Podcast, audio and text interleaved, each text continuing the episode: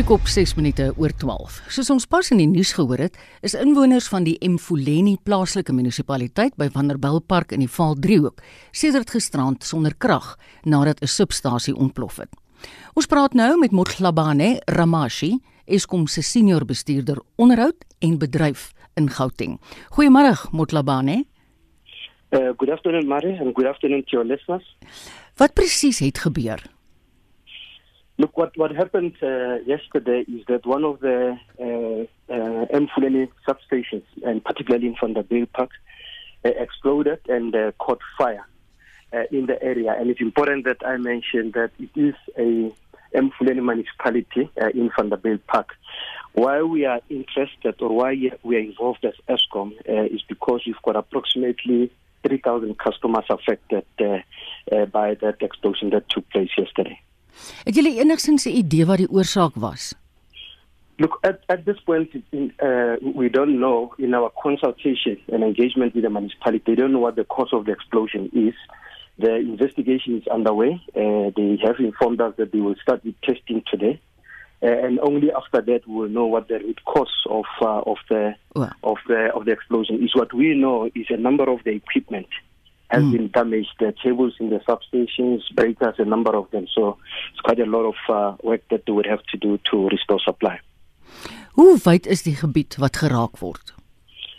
Uh, look, the, the areas affected, it will be the broader areas of uh, uh, supplied by that station in Vanderbilt Park, and in particular for ESCOM, uh, it will be a township called Bupelong, where we've got approximately 3,000 uh, customers. And I would assume on the unit, the number will be way more than the ESCOM uh, number of customers and areas affected.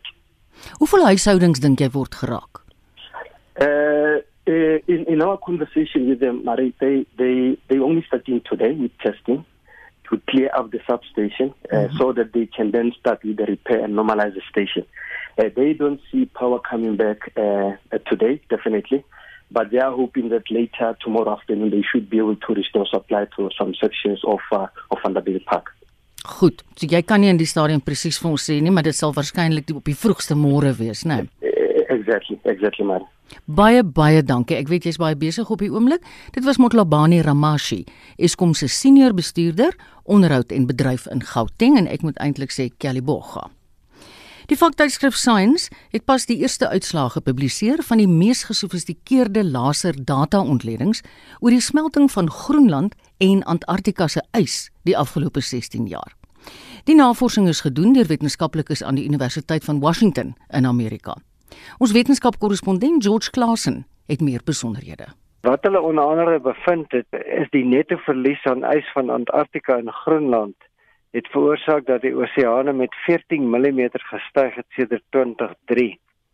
Nou in Antarktika word stygings in die see veroorsaak deur die verlies aan drywende ysbanke wat smelt in die warmer wordende oseaan rondom die kontinent. Hierdie ysbanke verhoed dat ys op die vasteland van Antarktika in die oseaan invloei. So dis baie belangrik dat hierdie ysbanke nie moet smelt nie, want anders gaan al hierdie ys in die see in. Maak dit vir die leek verstaanbaar. Ek dink julle praat van die hoeveelheid water en julle meet dit in Olimpiese groot swembaddens wat verlore geword het. Die studie het gevind dat Groenland se yslaag 'n gemiddelde van 200 gigaton ys per jaar verloor het en die van Antarktika 'n gemiddelde van 118 gigaton ys per jaar. Nou 1 gigaton ys is genoeg om 400 000 Olimpiese grootte swembaddens te vul. Nou as jy dit in leeketaal omsit, dan het Groenland sedert 2003 soveel ys verloor wat 80 miljoen Olimpiese grootte swembaddens per jaar sou kon vul. En oor 16 jaar het Groenland soveel ys verloor dat dit meer as 1 en 'n kwart miljard Olimpiese grootte swembaddens sou vul. En vir Antarktika is die storie nie veel beter nie. Net meer as 47 miljoen Olimpiese grootte swembaddens per jaar sou gevul kon word en oor 16 jaar sou dit 755 miljoen swembaddens gewees het. Hoe werk hierdie meting? Die veranderings is waargeneem deur wat hulle noem die Cloud and Land Elevation Satellite 2, die ICESat soos hulle hom kort terme noem, wat in die lente van 2018 gelanseer is en wat noukeurige metings maak van die aarde se oppervlak. En die wetenskaplikes het nou die waarnemings vergelyk met die waarnemings deur oorspronklike ISAT satelliet wat tussen 2003 en 2009 waarnemings gemaak het. En dit wil nou hierdie twee satelliete se waarnemings vergelyk en die voorspellings wat daaruit gemaak is. As jy 'n gletser of 'n ijslaag dophou van maand tot maand of oor 'n jaarlange periode, kan jy nie baie aflei wat die klimaat doen nie. Maar as jy 16 jaar se waarnemings deur ISAT en ISAT2 met mekaar vergelyk, kan jy met groter vertroue aflei dat die veranderings wat ons in die ys sien, toegeskryf kan word aan klimaatsverandering. Dit is onder andere wat Benjamin Smith sê, hy's 'n gletser geoloog die leier navorser wat hulle gedoen het hierdie ISA2 studie maak 'n enkele soort meting deur te kyk na die hoogte van ys soos gemeet deur 'n instrument wat laserpulse ontleed wat van die yslaag teruggekaats word. En die pulse wat hulle terugkry van die yslaag gee hulle aanduiding hoe diep die ys is en hoe dit verander het oor 'n tydperk. Dan het hulle hierdie ingevoer in rekenaarprogramme om vas te stel wat het verander sedert 2003 en 2009 die hele idee van swembaddens in 'n groot oseaan mag baie klein klink. Maar as jy dit gaan omsit in liters water en op die ouende die wyse waarop die oseane oor 'n eeu en die voorspellings is nou 2100 wat die oseane tot 2 tot 3 meter sou kon styg en die akkumulatiewe effek wat nou in Antarktika besig is om te gebeur is dit eintlik baie baie ontstellende uh, bevindinge wat hulle nou gemaak het. En so sê ons wetenskapkorrespondent George Klasen, hy het met Mitsi van der Merwe gepraat. Die regering moenie skole of tersiêre instansies dwing om te open nie. So sê die Vryheidsfront Plus se woordvoerder vir basiese en hoër onderwys, Dr. Wynand Poshoff. Ministers Angie Motshekga en Blyden Zamande se aankondigings die week het weer die ongelykheid tussen verskillende onderwysinstellings beklemtoon. Boshoff sê terwyl sekere skole en colleges asook universiteite in staat is om aan die vereistes te voldoen vir heropening sonder om 'n gesondheidsrisiko te loop, is ander glad nie daarvoor gereed nie. Ons praat nou met Dr. Wynand Boshoff. Goeiemôre Wynand. Middag Magdalene. Wat is jou mening oor die beplande opening van universiteite en hoekom sê jy so? Die punt is eintlik ons sê nou aan een kant moet party instellings nie gedwing word, maar ander instellings moet ook nie weerhou word nie die die hele punt is dat eh uh, dis so 'n soort van 'n oor koepelende mening van die Vryheidsfront dat die Suid-Afrikaanse staat is hopeloos oorgesentraliseer en besluite word ergens op 'n topvlak geneem oor instellings waar jy eintlik op die gemeenskapsvlak baie meer doeltreffend daai besluite kan neem. Met ander woorde, jy het hele groot gebiede waar die uh, coronavirus nog nie aangemeld het nie. En met die uh, doeltreffende afsluiting van distrikte en selfs provinsies is daar groot gebiede waar mense met betreklike veiligheid weer kan terug aan skool toe of dan nou met universiteitsstudies kan aangaan maar hulle word weerhou daarvan op grond daarvan dat daar op 'n ander plek uh ernstige risiko's is en dan gaan dit natuurlik oor die instelling self ook daar is uh soos ons al gesê het instellings wat in staat is om die om die risiko's te hanteer die sosiale afstand te hanteer 'n hele klomp sulke die die die uh siftingproses om al die goeders te hanteer terwyl daar ander is wat nie daarvoor gereed is nie. En uh, ek dink dit is belangrik dat 'n mens baie meer op 'n geval tot geval basis die soort ding hanteer. Uh universiteite is autonoom en dit is nogal verblydend dat minister Blyden se man die gesê dat die universiteite wat reeds met aanlyn klasse begin het, daarmee moet voortgaan omdat hulle die uh noem net nou maar die skoolgeld kan betaal vir die ander om te weet wat is beste praktyke want ons weet mos nou hierdie is 'n onbekende ding beste mm. praktyke is nie bekend nie. So laat instellings wat die beste gerad is daarvoor die beste praktyke ontwikkel en dit ten bate van instellings wat minder ja. gereed is uh beskikbaar stel. Jy weet wyl jy nou so praat en ek hoor jy voel sterk oor die feit dat Suid-Afrika oormatig gesentraliseerd is. D dit bly 'n vraag, hoe gaan 'n mens daai afstand hou? as 'n mens in 'n opvoedkundige situasie is veral waar klasse oorvol is. En dit is presies die ding.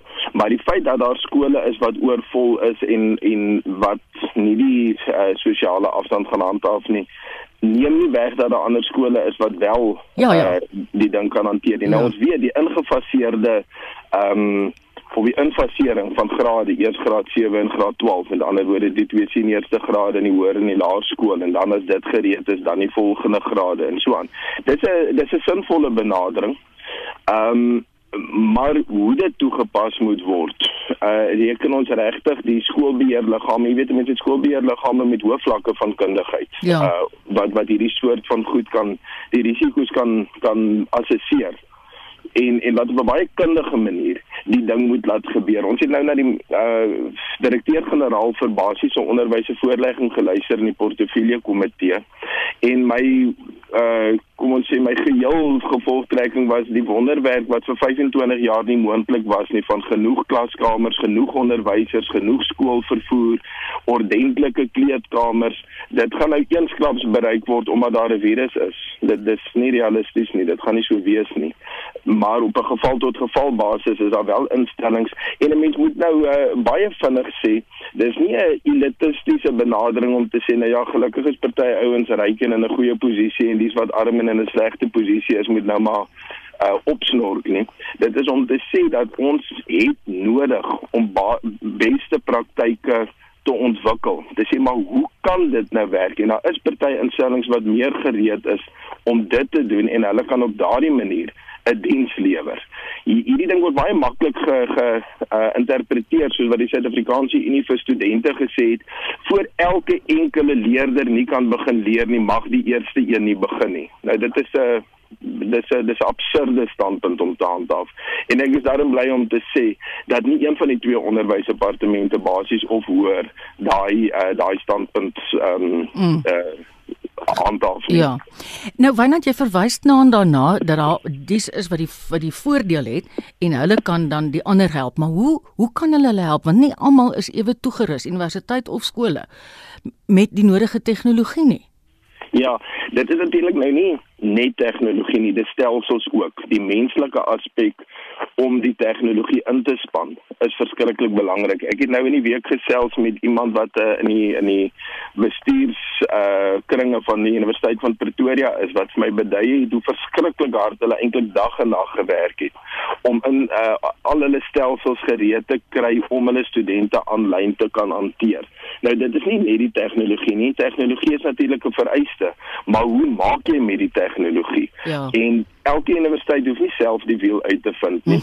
Ehm um, 'n mens sit met 'n universiteit soos uh uh Fort Hare of selfs uh KwaZulu-Natal waar daar ongelooflike ontwrigting vroeër in die jaar was as met nou terugkyk en jy sien oor onbenullighede. Natuurlik het niemand toegedink dis onbenullighede nie. Nou so 'n universiteit kan onmoontlik nie gereed wees nie. Hulle het nog nie eens 'n dagklasse gehad in die uh in in die eerste kwartaal nie. Nou strek ons al amper by die einde van die semester. Nou van selfsprekend gaan hulle nie in dieselfde posisie wees om hierdie soort van krisis die hoof te bied nie. Maar as hulle uh jy kan nou maar sê opgekookte uh oplossings kan kry by die universiteite wat eintlik regtig al uh, oor jare hulle administrasie baie goed in stand gehou het, dan kan dit tot die voordeel wees van die totale uh onderwyssektor in Suid-Afrika. Baie dankie. Dit was Dr. Wynand Boshoff, die Vryheidsfront Plus se woordvoerder vir basiese en hoër onderwys. Jy's ingeskakel op Naweek Aktueel hier op RSG en ons is op pad na 20 minute oor 12 toe. Suid-Afrikaners het tot donderdag om tussen provinsies te beweeg om terug te keer huis en werk toe. Die minister van vervoer, Fikile Mbalula, sê repatriasievlugte waarmee Suid-Afrikaners huis toe gebring word en buitelandse burgers na hulle lande van herkoms teruggeneem word, gaan voort. Mbalula het gister die media in Pretoria toegespreek. With the country moving to level 4 and more people returning to work, we have revised the operating hours for all road-based public transport modes. All road-based public transport services are permitted to operate from 5 until 19 hours. With a grace period of one hour in the afternoon to complete their trips and drop off passengers. Because you know that curfew is taking place from 8 o'clock at night to 5 a.m. in the morning. Dit was die minister van vervoer vir Kile Mbalula se stem. Die departement van internasionale betrekkinge en samewerking het vroeër gesê nog 1471 Suid-Afrikaners in die buiteland het aangedui dat hulle wil terugkeer huis toe weens die koronavirus. Mense wat op lughawens gestrand is en nie kos of slaapplek het nie, sal volgens die departement voorkeur geniet. There will be no airport service for Gautrain. That must be absolutely clear. I've seen other people making claims that uh, there will be trains and uh, and so on. So there will be no trains uh, on Monday. There will be no immediate resumption of metro rail commuter services until we have satisfied ourselves that the risk of transmission is manageable on a corridor by corridor basis. Long distance trains are still prohibited in level 4. Mbalula het ook gesê dat al Suid-Afrika se binnelandse sowel as internasionale vlugte opgeskort bly op vlak 4 van die staat van inperking. Mbalula sê al Suid-Afrika se binnelandse en die internasionale vlugte bly opgeskort op vlak 4 van die staat van inperking en dit het nou laasnag om middernag, eintlik gisteroggend in werking getree. You are in a bus, you are in a train, you must have a mask. It's compulsory. When you leave your house, you must have a mask on on your face whenever you go in public areas. Where applicable, public transport masks will be provided and you'll be sanitized as and when you get into the taxi or a bus. No person is allowed to use public transport who is not wearing a face mask. It is now a law. Die minister van vervoer, Fikile Mbalula. Op die sportfront word tans hard gespook om te bepaal watter geleenthede nog vanjaar enigsins aangebied kan word en onder watter omstandighede. Ons gesels nou met Pieter van den Berg van RSG Sport hier oor. Middag Pieter, dit voel of ek jare laas met jou gepraat het. maar ek sê Marita, ja, dit voel nogal lank is om die waarheid te sê 'n maand terug. Joekie, is jy gesond en is jy veilig? Alles is mooi, alles is aan die gang, die hare raak lank, ja. maar verder is ons goed. en ons ouers met lang hare is 'n lelike gesig. Pieter, verskeie sportliggame het nou hierdie week aangepaste inligting verskaf oor wat vir hulle voorlê. Die moontlikhede vir die Olimpiese spele is onrusbarend, dan nie? Ja, baie beslis. Jy weet die Olimpiese spele ons het presies 'n maand gelede die 4de April ons gesels oor daardie nuwe datums vir aanstaande jaar. Hmm. Nou dit is geskuif natuurlik na Julie en Augustus 2021 toe. Nou dis ver uitgeskuif.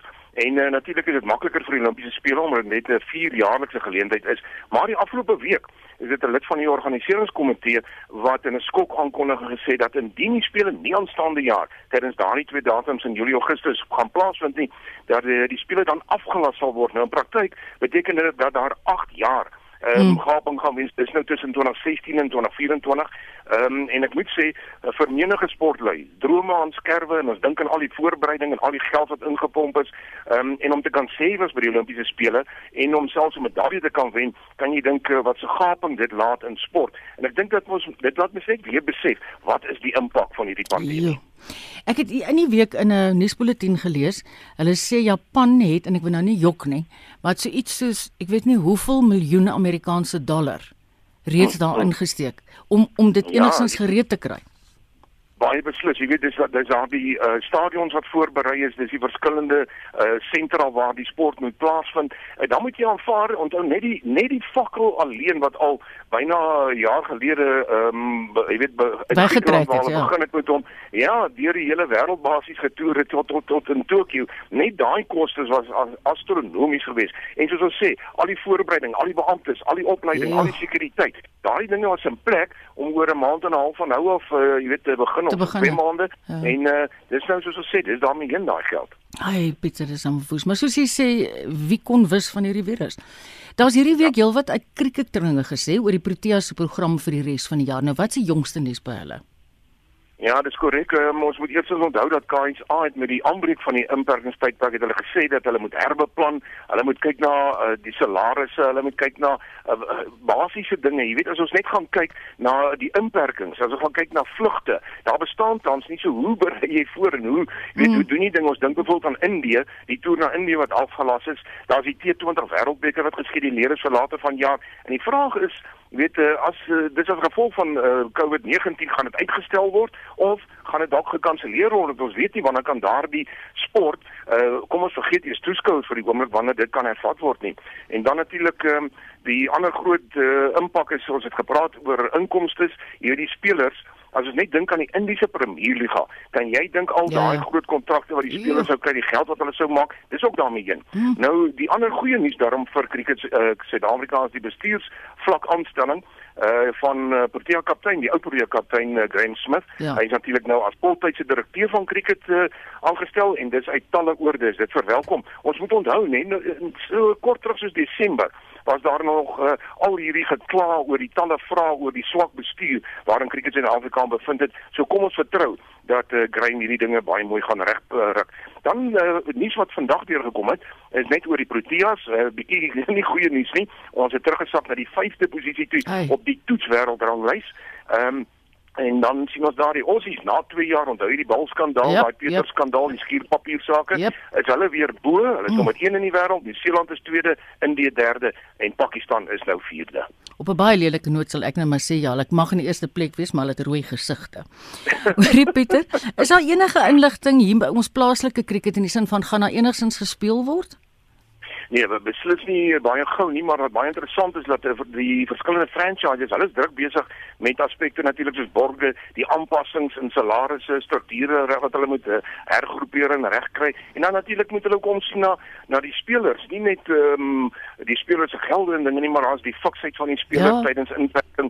Wat doen hulle by die huise en waar watse oefeninge word deurgegee? Word daar selfs uh, deur middel van al die ehm um, uh, elektroniese media hmm word dan met hulle gekommunikeer en selfs inligting deurgegee en beplanning gedoen. So jong, dis dis maar eh, 'n uh, hele klompie dinge. Spelerskontrakte is natuurlik van uiterste belang vir die komende seisoen 2020-2021. Maak nie saak wanneer dit begin nie, maar die goed moet in plek wees. Ja. Het ons enige inligting oor die spanne se samestellings? Ja, kom ons kyk na 'n paar interessanthede daar by die Dolphins, die jong snelbouler Lifa Ndanzi.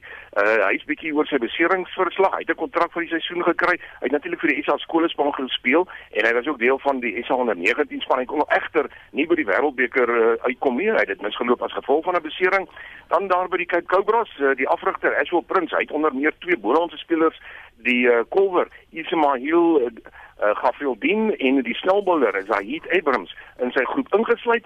En dan daar in Bloemfontein is dit uh, by die Knights uh, eh, JP Trigard. Hy is saam met Ellen Donald nou Ellen Donald natuurlik die hoofafrigter Trigard. Hy is die nuwe assistent afrigter daar en ek sien by die Titans is die nuus uit Pretoria dat drie jong spelers ook daar kontrakte gekry het. Gregory Mogolkwana, uh, Ruben Herman en dan uh, Diego Rozier. Hulle is almal daar in daai groep ingesluit. Hoorie Pieter, is al van die provinsies wat reeds hulle groepe aangekondig het? Ja, daar is, jy weet dit is baie interessant met die franchises. So gee dit ou baie keer van provinsiale ja. cricket nou die, die suidwestelike distrikte spelers. Hulle is natuurlik daar in die Suid-Kaap. Hulle het vyf nuwe spelers opgeteken. Sy het onder meer die voormalige Warriors en OP veelsidige speler Kelly Smits in. Hy gaan eh, sy loopbaan daar in Oudtshoorn nou voorsit. En uh, natuurlik hy is die broer van Jon Jon Smits wat vir die Proteas speel. Anu Kotse. Hy sal na twee seisoene by die Boland ook vir SWD speel en dan die Oud-Kaapse Cobra, uh, Simon Komari. Hy is ook op daardie lys. Ek sien daar ehm um, vanoggend dat die Boland het hulle ook 'n paar interessanthede aangekondig. Ehm um, vyf nuwe spelers ingesluit daar in hulle groep. Dit sluit Christian Jonker, Roan ter Blanche, Fritz de Beer en ook Warwick Ibrahim uh, in daardie groep in. Pieter baie dankie. Ek hoop tog ons kan in die toekoms meer gereeld met mekaar gesels. maar sport is nou maar op die oomblik een van daai dinge wat opgeoffer is, né? Nee? Dis so Marita en maandagooggend gaan ons 'n bietjie 'n monitor gesels oor die jongste rugby verwikkelinge. Nee. So 'n paar minute gelede jongste nuus van Saro gekry of Suid-Afrikaanse rugby, uh, SA rugby dat ehm um, Rassie Erasmus hy is baie opgewonde en hy gee selfs bietjie inligting oor wat hulle doen vir die spelers op die oomblik ons gesels maandagooggend 'n monitor daaroor. Goed, nou maar dan gaan ek my ore spits maandagooggend. Dit was Pieter van der Berg. Hy is ons sportman en soos ek sê, deesdae praat ons baie min met hom. Tanzanië se minister van Justisie, Augustine Mahiga, is gister in die land se hoofstad Dodoma oorlede. Hy was 74 jaar oud. Mahiga se sterfte volg op twee ander Tansaniese parlementslede wat vermoedelik aan die koronavirus dood is. Anne Marie Jansen van Vuren berig hieroor en oor ander internasionale nuus. Tansanië se grootste oppositieparty het gevra dat die land se parlementêre sittings opgeskort word. Dit kom nadat Mahiga die derde parlementariër geword het om in 11 dae te sterf, vermoedelik weens COVID-19. Johannes Hafner is 'n landbouekonoom wat nou byna 7 jaar in die Afrika land woon en werk. Hy sê Tansaniërs is verskeurd oor of hulle strenger maatreëls wil hê of nie. Die Tansaniese media het onder meer die week berig oor hoe die inperking in Indië die land se burgers negatief geraak het. Today I read an article saying that already more people died from that the effects of the lockdown compared to the deaths they had related to the virus. So it's a very, very hard thing to say what would be the right course. But in countries which do not have the ability really to have measures like social distancing, countries where people are really required to earn money every day to sustain their families and buy food. If you make a lockdown in these countries, you will have tremendous suffering. Tanzanië het onlangs onder skoot gekom omdat hulle nie streng COVID-19 inperkings toepas nie. Tanzaniese owerhede het bevestig dat 480 van sy burgers in die laaste maand met die pandemie besmet is en 16 mense daaraan dood is. Landsburgers vrees dat daar baie meer gevalle is, maar is volgens Hafner huiwerig oor strenge riglyne. When I look at Germany, we might still say, okay, these measures in Germany are appropriate. But um, I think if you would impose those measures here and, and tell people not to go out and, and earn money, sure what will happen. I don't know the right way and the best course, but I think we should, in this current debate, also try it at least to estimate the long term effects of our measurements or of our decisions we take today because the attempt to prevent people from dying in the short term might lead to a much higher number of dead people in the future. That's something we have to consider also here in Tanzania, that we make no short sighted decisions they will eventually lead to bigger problems. In Frankryk het die minister van ekonomiese oorgang, Elizabeth Bon, haar mense gevra om in die toekoms eerder fietsse as openbare vervoer te gebruik. Sy sê tydens die ingrendeling is dit 'n goeie tyd om te besin oor hoe besoedeling verminder kan word. 'n Suid-Afrikaner wat in die dorpie Amberg in sentraal Frankryk woon, Olivia Hart Hughes, sê die inperking is veronderstel om tot die 11de Mei te geld. Die government sê dat ons heel waarskynlik nog tot die Junie Julie in ander tipe van restrictions sal wees. So ons sal seker die winkels oopmaak, maar net party winkels en groot gatherings soos enige festivals en daai tipe van goed is gekanselleer. Mense voel ek is baie meer rustiger, ons is baie meer buite. Mense dra nie baie maskers hierso in ons area nie. Ek weet in party plekke moet jy dit dra. Al ons winkels het nou sulke PVC covers vir die mense. So al die tills en goeders is baie veilig. So enigiemand wat agter tills sit moet met maskers en 'n visor dra. So enige iemand wat nou public facing is ek werk vir 'n campsite en ons campsite is nie oop nie. Dit moes vandag oopgemaak het en is glad nie oop nie. Ons gaan heel waarskynlik eers in Junie of Julie oopmaak. Maar selfs mense soos ek sal met begin maskers en face guards dra as ons met die publiek werk. Hot use sê Frankryk se skole is ook veronderstel om weer 11 Mei te open al die mense is besig om hulle koppe te verloor. Al die juffrouens en almal teken sulke petitions en sê nee, dis onmoontlik. Ons het nog nie al die maatreëls in plek om die kinders vir by die skool te kry nie. So ons gaan seker heel waarskynlik in September eers oopmaak. Al kan mense nog inkopies doen, sê sy baie produkte is nie meer in voorraad nie, veral meel, gis en eiers. Die meel is omdat almal maar net gekoop het in almal bakkies van Frankryk, maar ook daar's 'n supply chain issue tussen Rusland wat die grootste producer is en blykbaar het iemand vir my nou die dag gesê, ek weet nie of dit waar is nie, dat daar 'n tekort aan die papier is wat die packaging print. So die mense sukkel om hulle packages uit te kry.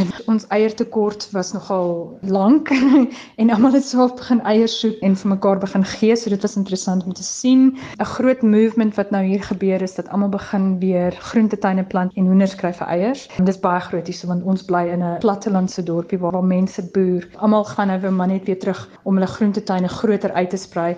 Want ek dink mense voel 'n uh, tipe van anxiety so van ooh, daar's dalk miskien supply chains issues. Ek weet van die Europese lande wat gewoonlik werkers inkry om die saaiwerk die werk op die lande te kon nie inkom nie want die EU borders is nou toe. Al kry die Franse nie finansiëel so swaar soos in ander lande nie, is dit moeilik om 'n inkomste te verdien.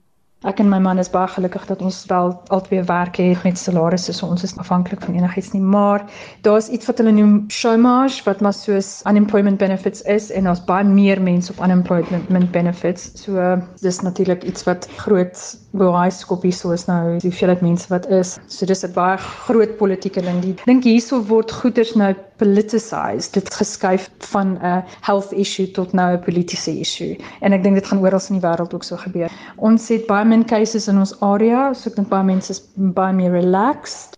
Olivia Hart Hughes, 'n Suid-Afrikaner wat in Frankryk woon, en ek is Anne Marie Jansen van Vuren vir SAK nuus. Zimbabwe se stryd teen die COVID-19 pandemie word gepoetjie weens die land se water- en sanitasiekrisis. Dis nou volgens Human Rights Watch se direkteur vir Suidelike Afrika, David Mavinga. This problem has gone on long enough, but COVID-19 has made an already dire situation even more urgent. Combating the spread of the virus requires people to wash their hands regularly and maintain good physical hygiene. For that, they need to have access to an uninterrupted supply of sufficient clean water. kuti Melody Disa in Harare sê hulle het sedert 2013 al gevra dat die waterpype herstel moet word na die krane begin droogloop het. Die burgemeester van Harare, Hubert Gomba, het dit bevestig. Uh, We are losing a lot of treated water along the system because the pipeline is aged. Around a third of our people are only accessing water and two thirds are not. And that's a dangerous situation. Mavinga sê die gevolg hiervan is dat duisende inwoners van Harare nie toegang tot skoon water het nie. Dit bring mee dat vroue en kinders vir 10 ure lank in toue moet staan om water uit gekontamineerde boorgate en waterputte in hulle agterplase te kry. Gomba gee toe dat dit waterdraande siektes veroorsaak. We have had uh, three outbreaks of cholera, and uh, certainly, if we don't act to improve our infrastructure, we are bound to be susceptible to numerous uh, waterborne diseases. We are urging residents to not to drink from unprotected, wells. toshaya nguva yekunyatsowerenga Bridget Mazidiru sê sy kry nie tyd om haar skoolwerk te doen nie omdat sy te lank in die rye moet staan om water te kry. Human Rights Watch se direkteur vir Suidelike Afrika, David Mavinga, dring daarop aan dat die Zimbabwese owerhede veilige boorgate en waterputte aan die bevolking moet verskaf. Mitsi van der Merwe, SAK nuus. En almal wat gereeld na naweek aktueel luister, sal weet ons het Saterdag 'n gereelde motorrubriek. En die man wat verantwoordelik is daarvoor is Wessel Pretorius, ook vandag se redakteur en op die oomblik die uitvoerende redakteur van die program. En vandag antwoord Wessel luisteraars se vrae.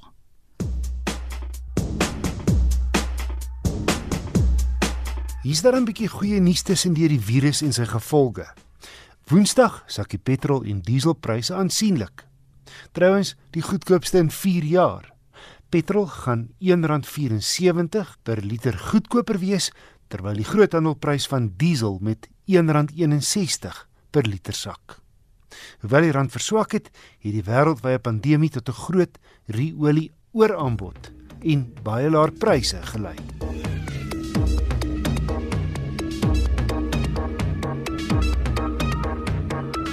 Ek het 'n brief van Pieter Kriel ontvang.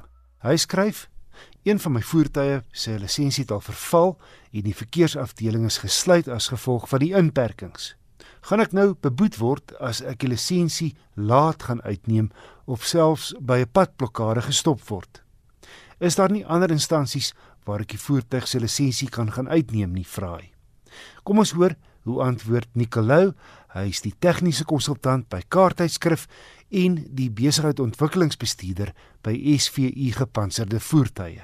Ja, wissel die inperking eh, bied ons nogals heelwat uitdagings op die oomblik en veral as dit by motorvoertuie kom en lisensies wat verval, is Pieter 100% reg dat daar's heelwat lisensies wat nou verval het en in dieselfde ehm um, asem kan ek dan ook sê bestuurderslisensie wat in hierdie tyd verval.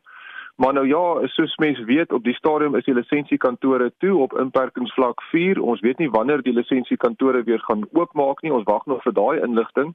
Maar intussen tyd kan ons natuurlik nie beboet word as ons motor se lisensies verval nie, want daar's geen manier hoe jy dit nou kan hernie nie. En ek het persoonlik deur 'n padblokkade nou die dag gery en my bestuurslisensie het verval in hierdie tyd en uh, die polisiebeampte het net vir my gesê onthou net sodra die lisensiekantore oop is, moet jy net jou lisensie laat hernie en hy het my weer laat aanry. So op die stadium gelukkig is daar geen boetes nie, maar ek dink nou net as daai uh, inperking vlak tot daar kom waar die kantore oop is, gaan daar teen een baie lang rye wees van mense wat gaan tou staan. Nikkel dan 'n brief van Jo Marie van der Walt van Pretoria namens haar ma Erika. Sy skryf: "My maate 1998 honde belaat 1.5 Trent met 112000 km op die klok.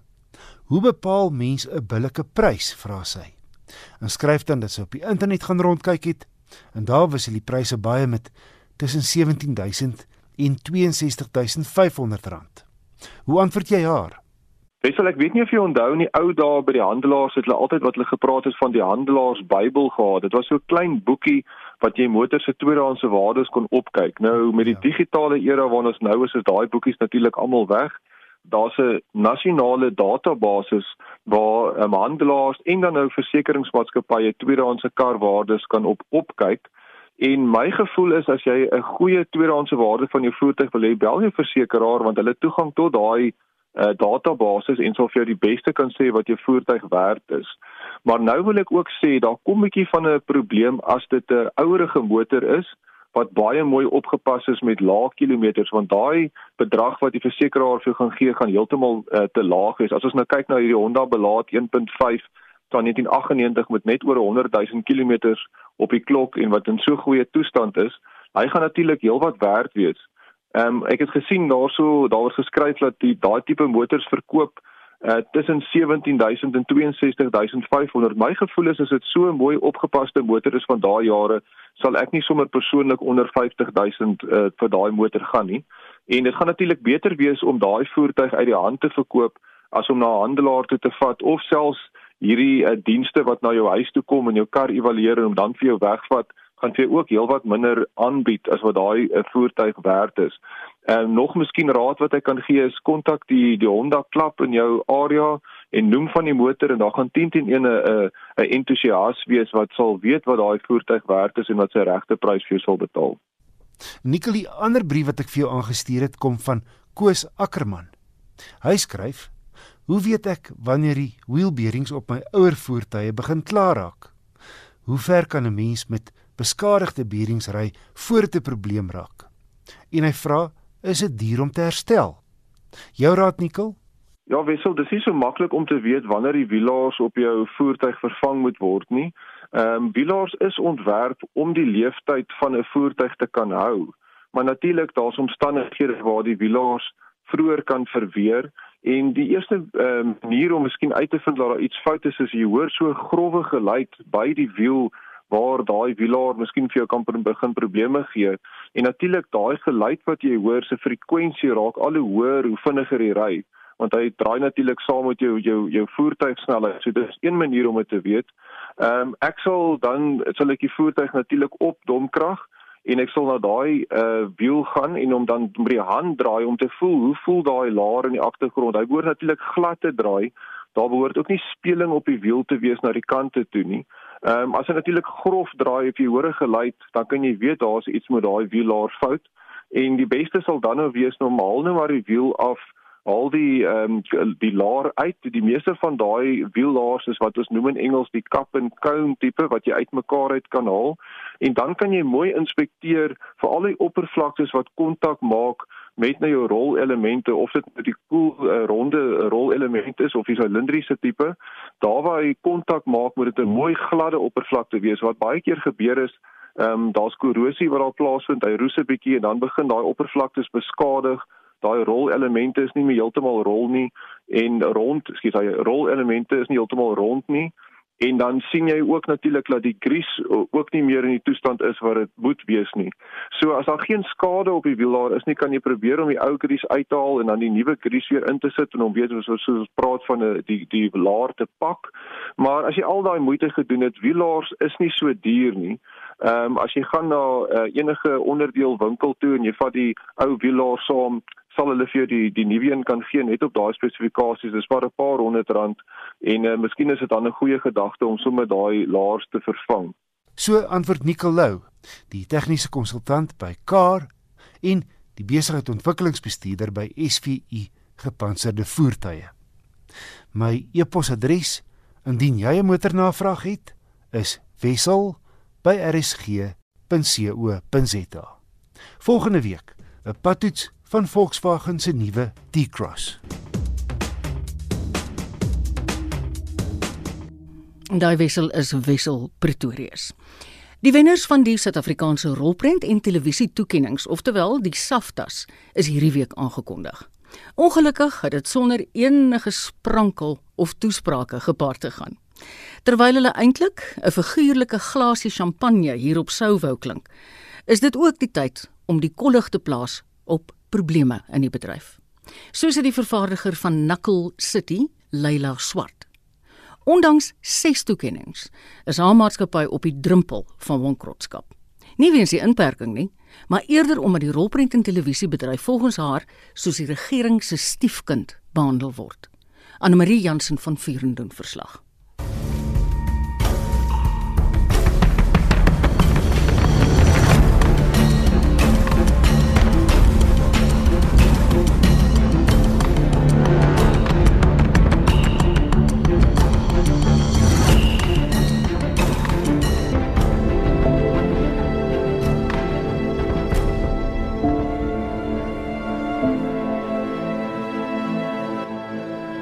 Musiek uit die klankbaan van die Rageltjie te Beer rolprent het aan komponis Chris Letcher 'n SAFTA toekenning besorg.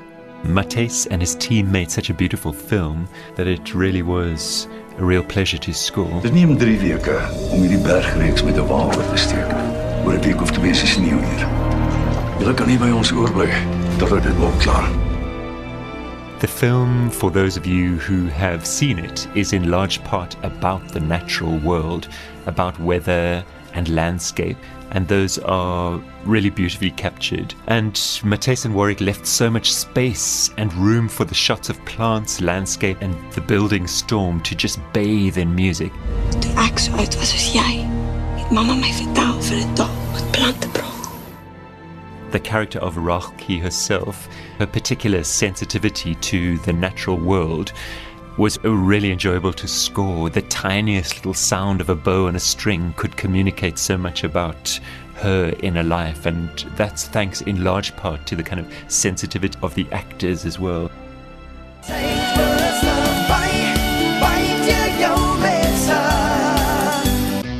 Veteran aktrise Denise Newman is bekroon met 'n SAFTA vir haar rol in die CP Suidooster. Sy sê dit is 'n voorreg om erken te word deur rolspelers in die vermaaklikheidsbedryf. Tog sê sy die toekenning kom nie haar alleen toe nie. Daar's 'n hele span mense wat 'n bydra lewer tot 'n suksesvolle produk. Die skrywers, mede-akteurs, die regisseurs, die mense wat agter die skerms werk, soos grimering en kostuum. So baie dankie vir die eer vir my, maar ek deel dit graag met almal wat op Suidooste werk. Ek dink dit is ons almal se. Lecture stem saam Film is obviously such an intensely collaborative medium. It always seems to me to make sense for any awards to be properly shared. I would just like to acknowledge the work Matthijs did as director, directing all aspects of the film, including the music, as well as Warwick Allen's editing.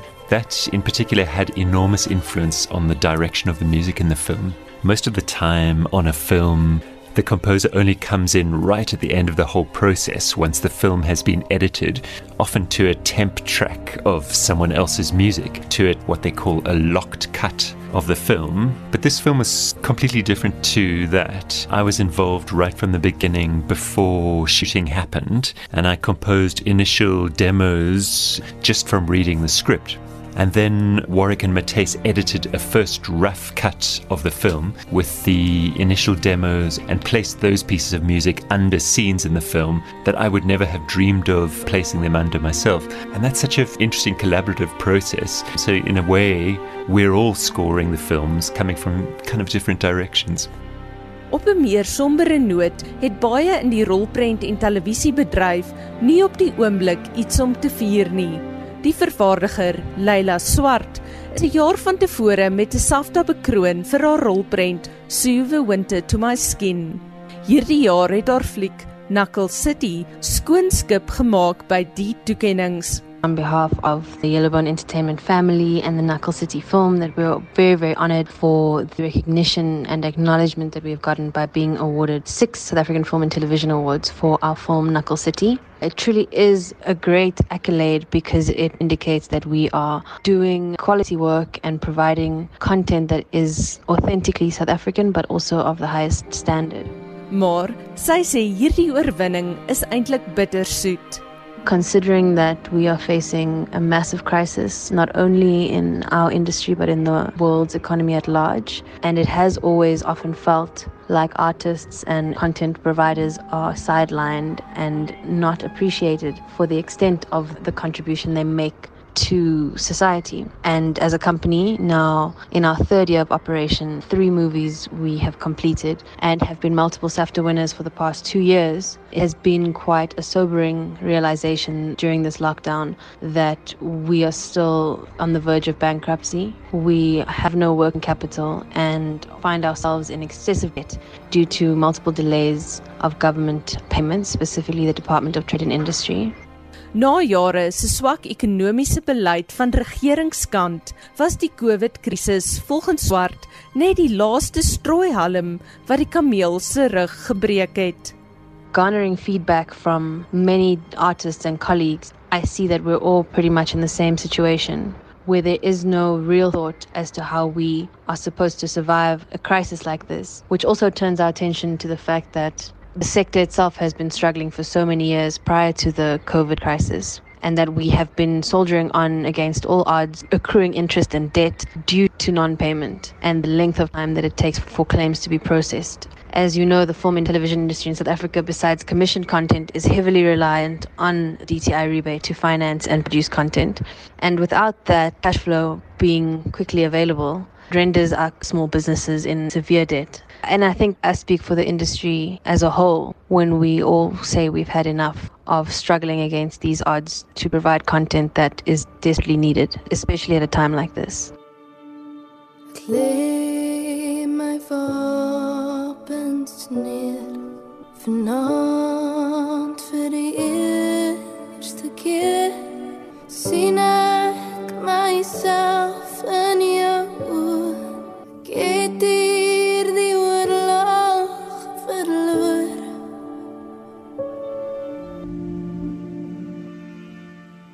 2019 rolprent Vila se kind is aangewys as beste algehele rolprent van die jaar. Die vervaardiger sê Zenobia Kloppers, wat die rol van Vila vertolk, het die fliek geanker. Daarom sou sy volgens hulle ook 'n beurt gekry het om agter die mikrofoon in te skuif en 'n boodskap van hoop te bring. Is vir my eintlik wonderlik dat Vila se kind gewen het, want die storie is so deel van ons en dit sit so onder ons velle. Want as jy nou dink aan Vila en wat sy deurgemaak het, die moeilike omstandighede waardeur sy gegaan het En net daai hele tydperk. Ek dink dit is nog so relevant vir ons vandag, want as daar geen hoop op die horison is nie, dan druk 'n mens nog steeds deur. Jy weet alles die pad lank en dit lyk daar's geen geen einde aan daai pad nie. Jy stap maar net aan want dis soos daai liedjie Walk on through the night. Walk on, walk on with hope in your heart and you'll never walk alone. Dis daai tipe ding want ons sit in 'n baie surrealistiese situasie met hierdie virus en ons is almal op lockdown en dit lyk asof wanneer 'n einde daaraan is nie en dit lyk asof ons nooit hierdeur gaan kom nie. Kloppers sê soos Vila Kemuti moet ons nou die harde pad stap en weet dat ons die eindpunt gaan bereik. Want Vila het nooit op 'n hoop dat sy weer haar seun Benjamin sou sien nie en vir my is daai eintlik maar die kern van die hele ding. Ek dink dis een van die groot boodskappe wat uitkom uit die film en uit daai hele storie van Daleen Matthee dat daar is altyd 'n weg uit en ons moet net aanhou hoop en ons moet net aanhou om te bid oor hierdie dinge Geen pretensie, geen beheer. Ek is Anne Marie Jansen van Vuren vir SAK nuus. Van ons almal hier in die naweek aktueel ateljee, dis nou weer so Pretoria, Daitn Godfrey en myself is Marietta Kreer. Hê 'n veilige en 'n goeie naweek en ons praat weer maandagooggend om 6:00.